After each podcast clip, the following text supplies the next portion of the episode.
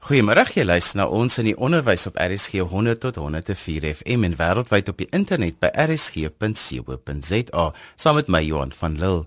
In die eerste gedeelte van die program gesels ons oor die departement van basiese onderwys se besluit om dalk geskiedenis 'n verpligte vak te maak in skole. In die tweede gedeelte van die program gesels ons oor leemtes in die rekeningkunde CAPS dokument met meneer Martin Snyman. Die departement van basiese onderwys het besluit om dalk geskiedenis 'n verpligte vak te maak in skole vir hierdie jaar. Is uit verskillende oorde verwelkom en afgeskiet. Onlangs is dit weer opgehaal. Bridget Tobin is 'n kurrikulumbeplanner by die onderwysdepartement vir geskiedenis.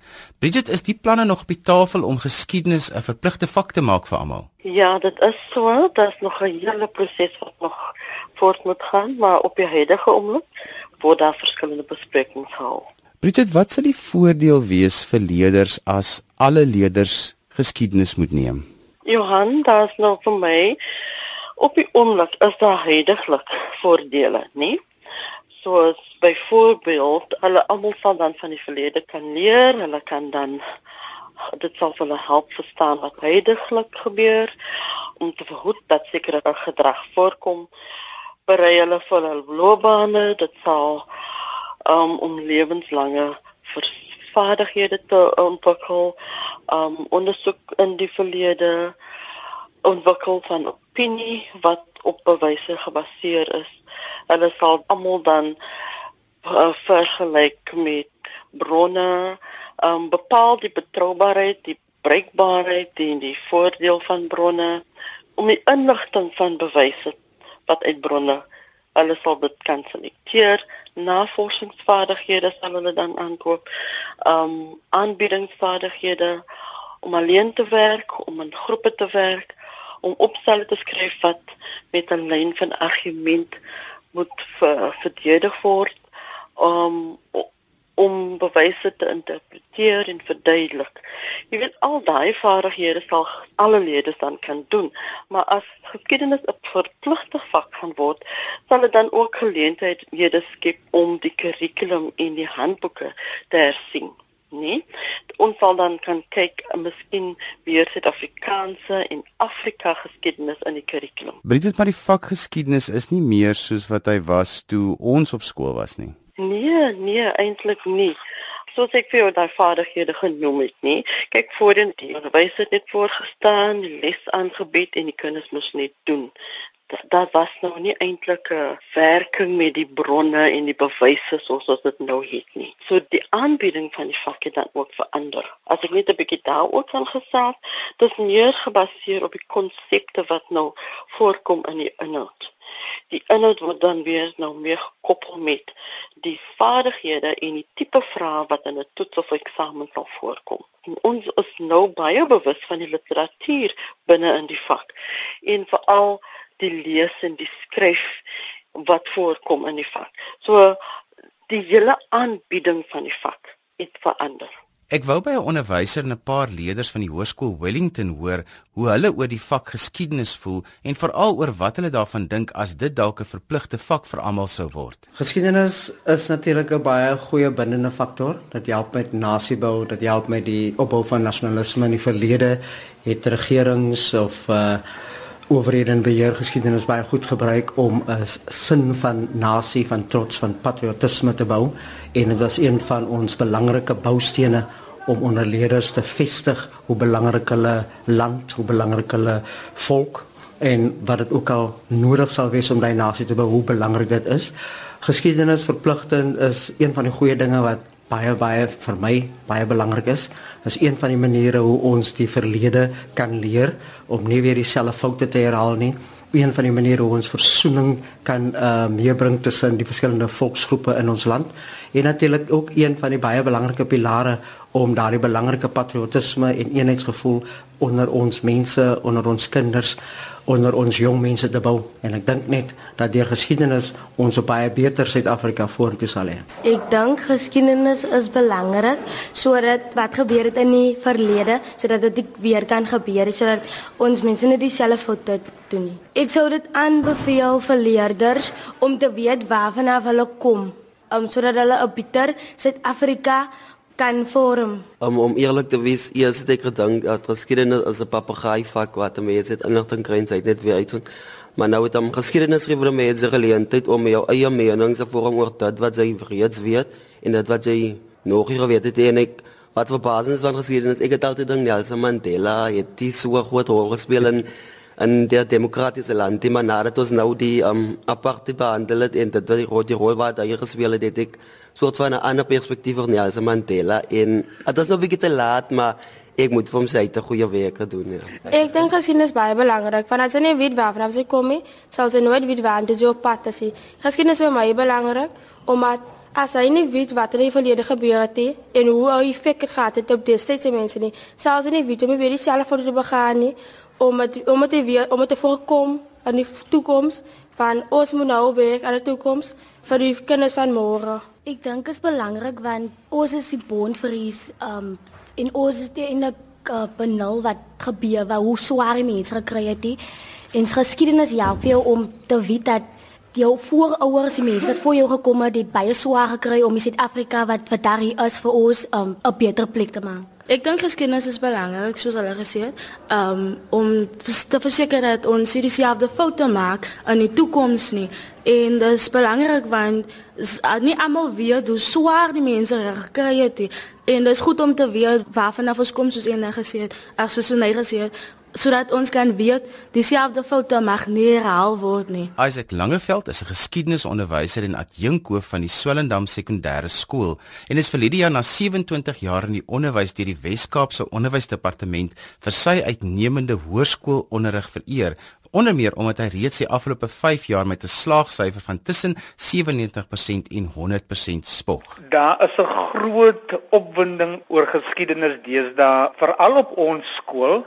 As ek kyk na die die groeiende getal van die leerders en daar's heelwat faktore wat 'n groot rol speel in die vergroting van die leerdergetal. Byvoorbeeld waar uh, ek en jy op skool was, was die fokus op die vermoë om feite te leer en feite terug te gee. So die die fokus was meer op die kognitiewe vermoë maar deesdae het die skuif heeltemal verander omdat leerders werk met bronne. Hulle word geleer hoe om bronne te evalueer ten opsigte van betroubaarheid, die bruikbaarheid van die bronne. Hulle moet 'n historiese ondersoek kan doen en dan ook die gehate lang vrae wat ons geken het wat 75 punte getel het is deesdae baie korter, dit tel 50 punte en leerders kan ook paragrawe van 10 punte skryf. Isaac, hoe maak jy die vak lewendig vir jou leerders? Johan, dit is 'n interessante vraag, maar ek dink 'n mens kan dit net lewendig maak as jy 'n passie het vir die vak. Uh jy moet 'n totale begrip hê en die die vak belangrik ag vir die leerders. Daarom het ek byvoorbeeld in 'n onderhoud gesê sou die regering uh geskiedenis uh verpligtend maak sou dit een van die beste besluite wees wat hulle ooit sou kon doen. Uh ek dink hierdie vak is een van die sleutel vakke vir enige land om totale ontwikkeling en en vooruitgang te kan bewerkstellig. Isaac, ons land het 'n baie problematiese geskiedenis en ek weet die kinders moet nou daarvan op skool leer. Hoe hanteer 'n mens dit in klaskamerverband? Johannes, dit is dit is uh, in ons opset die beeld van ons skole heeltemal verander. Ons het 'n groter verskeidenheid van diversiteit in ons skole en dan ook die koms van demokrasie in Suid-Afrika maak dit vir ons baie makliker sodat uh, wanneer ons uh, basiese menseregte kwessies oor praat dat jy voorbeelde uit die verlede kan gebruik sodat jy 'n sinvolle aanbieding kan doen sodat die leerders daaruit kan leer en dit kan toepas. Isaac, toe ek op skool was, onthou ek mag onderwysers glad nie politiek gepraat het nie, maar ons geskiedenis is so ingeweef met politiek. Hoe hanteer 'n mens as 'n onderwyser juis uh, moeilike politieke kwessies as dit by die vak geskiedenis kom? Johan, ek is oortuig daarvan dat met 'n grondwet wat ons spog wat wat van die bestes is in die wêreld, is daar nogal baie skywers wat 'n mens kan gebruik. Eh, behalwe die grondwet wat gebruik kan word, is daar ook die openbare beskermer uh, wat gebruik kan word, uh, die aktiewe betrokkenheid van jou beheerliggaamstrukture, uh, asook die rol van die VRL En dan dink ek ook uh, 'n mens moenie die die vlak van leerder ingeligtheid oor politieke kwessies onderskat nie. So as gevolg van hierdie moontlike skywers wat gebruik kan word om te verhoed dat politiek bedryf kan word, sou 'n onderwyser baie meer op sy agterhoede wees om te voorkom dat hy nie uh, iets uitlyn sê as bloot net fokus op die aanbieding van objektiewe uh, geskiedenis nie. En dan ook meer dink ek dit maak vir 'n onderwyser soveel makliker om 'n groter verskeidenheid van geskiedenis handboeke te gebruik as wat jy gewoond daaraan raak om net een skrywer of uit een uitgewer se se boeke te kan gebruik. Isaac, dan wil ek baie graag by jou weet, is daar oomblikke wat in jou geskiedenisklas was wat jy besef het, maar ek het nou vir hierdie kinders 'n breër uitkyk op die lewe gegee as wat net dit is waarmee hulle elke dag werk? Baie beslis. Ek het so 3 weke terug het ek die tema swart bewussyn uh, met die graad 12 gedoen en uh, ek kon vir hulle uitwys dat swart bewussyn gaan oor die herlewing van trots wees om byvoorbeeld swart te wees. En uh, ek kon vir hulle wys dat daar is niks fout as 'n mens trots is op jouself nie. Maak nie saak wat die kleur is nie, of dit nou pink is of blou is of groen is, as jy trots is op jouself en ons kan dit leer uit die geskiedenis uit selfs vroeër by die herlewing van Afrikaner nasionalisme het ook te maak met trots wees op wie die Afrikaner volk is. So ja, nee, ek dink uh, dit kan ook net gedoen word as 'n mens 'n breër agtergrond het, 'n dieper agtergrond het oor die vak en 'n uh, redelike lang pad aankom met die vak geskiedenis. Isaac, watter rol kan die vak geskiedenis speel in versoening in Suid-Afrika? Johan, ek wil vir jou sê dat die aankondiging wat gemaak is uh om geskiedenis vir 'n ver, verpligte vak te maak is seker een van die van die beste nuus wat ons in 'n lang tyd uh gehoor het. Uh want dit is dit is eintlik in lyn met wat in ander wêreldlande gebeur waar geskiedenis uh verpligtend is tot en met die uh, ouderdom van 16. Feitelik alle Europese lande het geskiedenis verpligtend behalwe in Albanië, uh ons sien selfs in China en dan ook die die die onlangse besluit van 'n privaat skool in Verenigde Koninkryk Brighton College wat besluit het om om die vak totaal verpligtend te maak vir hulle studente. So ja, baie moontlikhede want dit ondersteun die ontwikkeling van goeie burgerskap en leierskap. Uh dit bevorder ook menseregte en en hoe ons in vredesame naasbestaan met uh, met mekaar kan leef uh dit vergemaklik ook die hantering van diversiteit en identiteit. En dan dink ek ook Johan dit speel 'n belangrike rol in uh, die verbreding van die leerders se vermoë oor plaaslike en globale kwessies. Ek dink tog daar is rede om hierdie vak te implementeer as 'n verpligte vak. Alhoewel daar skeptisie is, maar soos ek net gesê het, as daar politiek gepredik word, is daar meganismes wat gebruik kan word om dit te counter. So dit is nie 'n kwessie van jy doen nie ding nie, maar daar is ook uitdagings. Ek dink nie ons het genoeg opgeleide onderwysers om die vak. Dit is een van die van die uitdagings wat ek sien. Ons het nie baie opgeleide geskiedenisonderwysers nie. Dan het ek ook uitgewys dat dit moet iemand wees wat 'n passie het vir die vir, vir die vak. As jy nie die as jy nie 'n passie het, jy gaan hy word soos lewensoriëntering, jy gaan mense later inskuif wat die goeie bedoeling eintlik gaan swak maak. Nog 'n uitdaging gaan wees. Onthou as hulle geskiedenis moet verplig maak, dan het ons Afrikaans wat verpligtend is, ons het Engels wat verpligtend is, ons het wiskunde of wiskundige geletterdheid en ons het lewensoriëntering plus geskiedenis wat dalk 'n bietjie te veel vakke of leerareas is wat verpligtend is. Die nadeel ook nog vir die goeie bedoeling om die vak te implementeer beteken dit dat skole se diensstate sal aangepas moet word want daar gaan meer onderwysers moet aangestel moet word uh want jy het mos nog 'n groter aantal leerders wat bedien moet word. Jy luister na ons in die onderwys op RSG 100 tot 104 FM en wêreldwyd op die internet by rsg.co.za saam met my Johan van Lille. In die eerste gedeelte van die program het ons gesels oor die vak geskiedenis en 'n bietjie navraag gedoen by leerders, onderwysers en kurrikulumbeplanners oor hoe hulle daaroor voel as die vak verpligtend vir alle leerders sou word. Indien jy dit gemis het, onthou jy kan dit aflaai as 'n potgooi by rsg.co.za.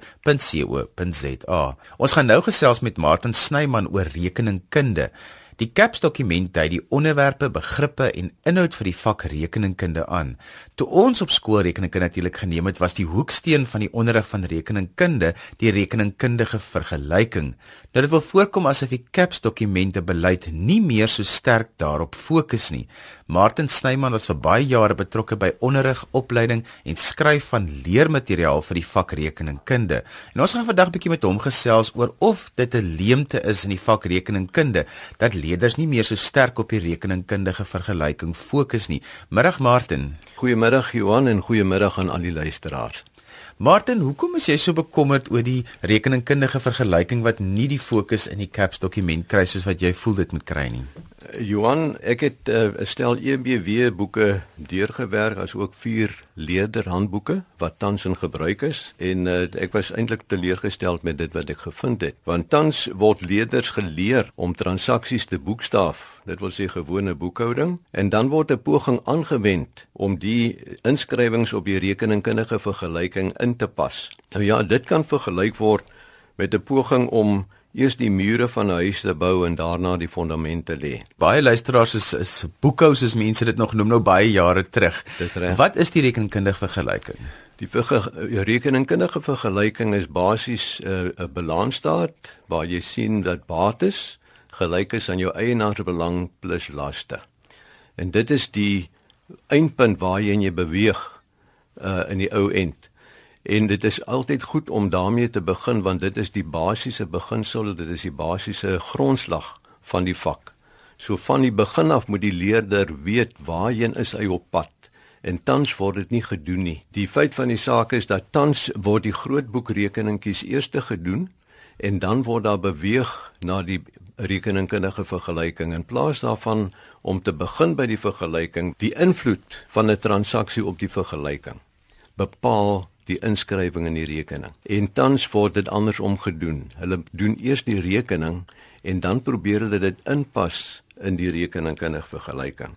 Nou Martin, hoekom is dit so want mense tog nou verwag dat veral met die saamstel van 'n CAPS dokument dat mense die basiese goed wat reg moet loop sal reg daar neersit. Ek weet nie hoekom dit so is nie, maar die oorsaak van hierdie storie lê juis by die CAPS dokument van die CAPS dokument verwys na die rekenkundige vergelyking as 'n nagedagte. Geen leiding word gegee in verband met die belangrikheid van die vergelyking as die grondslag van die rekenkundige stelsels nie. Inteendeel, daar word onder meer na die rekenkundige vergelyking as 'n onderwerp en 'n begrip verwys terwyl dit eintlik die hoeksteen is van die vak waarop die rekenkundige stelsels gegrond is. Nou handboekauteurs volg die CAPS dokument slaaf na. En net so sal die onervare en die jong onderwyser die handboeke slaafs navolg. En dit het nadelige gevolge vir die aanbieding van die vak, veral aanvangsonderrig, want dit is waar my eintlike bekommernis of besorgdheid dan nou lê. Nou wat sal hierdie nadele wees as hulle dit nie gaan regstel nie want dit voel vir my dit is 'n leemte in hierdie beleid rondom die vakrekeningkunde. Wel die nadele is dat die die kind glad nie 'n 'n geheelbeeld van die vak kry nie. In die tans in die CAPS dokument byvoorbeeld begin hulle in graad 7 met begrippe. So hulle behandel 'n paar begrippe, maar geen toepassing nie. Dan in graad 8 kom hulle byvoorbeeld met 'n KOJ kontantontvangstjoernaal, kontantbetalingsjoernaal. Dis net bloot hulpboeke wat opsommings is van soortgelyke transaksies. Die kind weet nie wat eintlik daar aangaan nie. Nou Martin, jy het soveel jare wat jy nou spandeer het om rekeningkunde onderwys in Suid-Afrika te vestig. Jy het materiaal geskryf, jy het onderwysers opgelei. Nou kom jy by 'n CAPS dokument en jy sien hierdie leemtes. Hoe gaan 'n mens te werk om dit onder mense se aandag te bring want dit voel vir my baie keer of daar groot groot leemtes in dokumente is en of die onderwysdepartement nie noodwendig mense wat kundiges is raadpleeg om dit reg te stel nie. Dit is nogal 'n probleem Johan. uh, sedert 2013 wat ek nou probeer doen net toe ek hierdie storie agtergekom het, het ek 'n uh, artikeltjie geskrywe. Ek het dit aan die SAU gegee en hulle het dit in hulle nuusbrief versprei. Ek het aan dosente en outeurs En nagenoeg 50 skole het ek e-posse gestuur as ook die artikel en ek het baie positiewe terugvoering gekry. Ek het ook met vakspesialiste en beamptes van die departement van basiese onderwys gesels en vir hulle trouens nog nie gesels nie, maar ek het vir hulle e-posse gestuur nagenoeg aan 9 persone. Ek het weinig reaksie gekry. Trouwens ek het geen reaksie gekry oor die probleem nie, net erkenning van ontvangs. In die die eerste positiewe reaksie wat ek gekry het was in November 2014. Toe ek genooi om met vakspesialiste te gesels wat toe uiteindelik uh, op die 17de Februarie 2015 plaasgevind het. Nou die twee persone met wie ek gesels het in die Kaap het 100% saamgestem met dit wat ek gesê het, wel, wel dit wat ons deurgesels het. Daar was geen twyfel trouens. Hulle het my gesê hulle doen dit so by hulle opleidingssessies. Nou dit is vir my goed om dit te hoor, maar die feit van die saak is die meerderheid van die onderwysers daar buite gaan dit doen volgens handboeke. Die handboeke doen dit volgens die CAPS dokument. So ons moet die CAPS dokument regkry want dit is waar die leiding vandaan kom. As ons dit regkry, dan gaan die res van self regkom. In die tussentyd is hulle besig om die kinders verkeerd te leer en die onderwysers verkeerd te leer en die saak bly maar onopgelos. Martin, nou, wat sou jy graag wil hê moet hier na gebeur en as ons nou reaksie kry?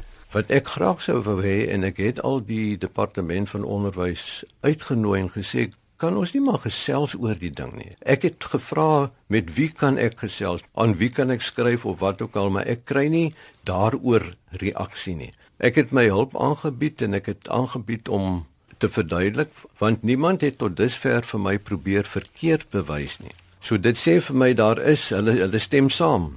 Maar die saak is ons moet die syllabus die kapsdokument moet ons regkry.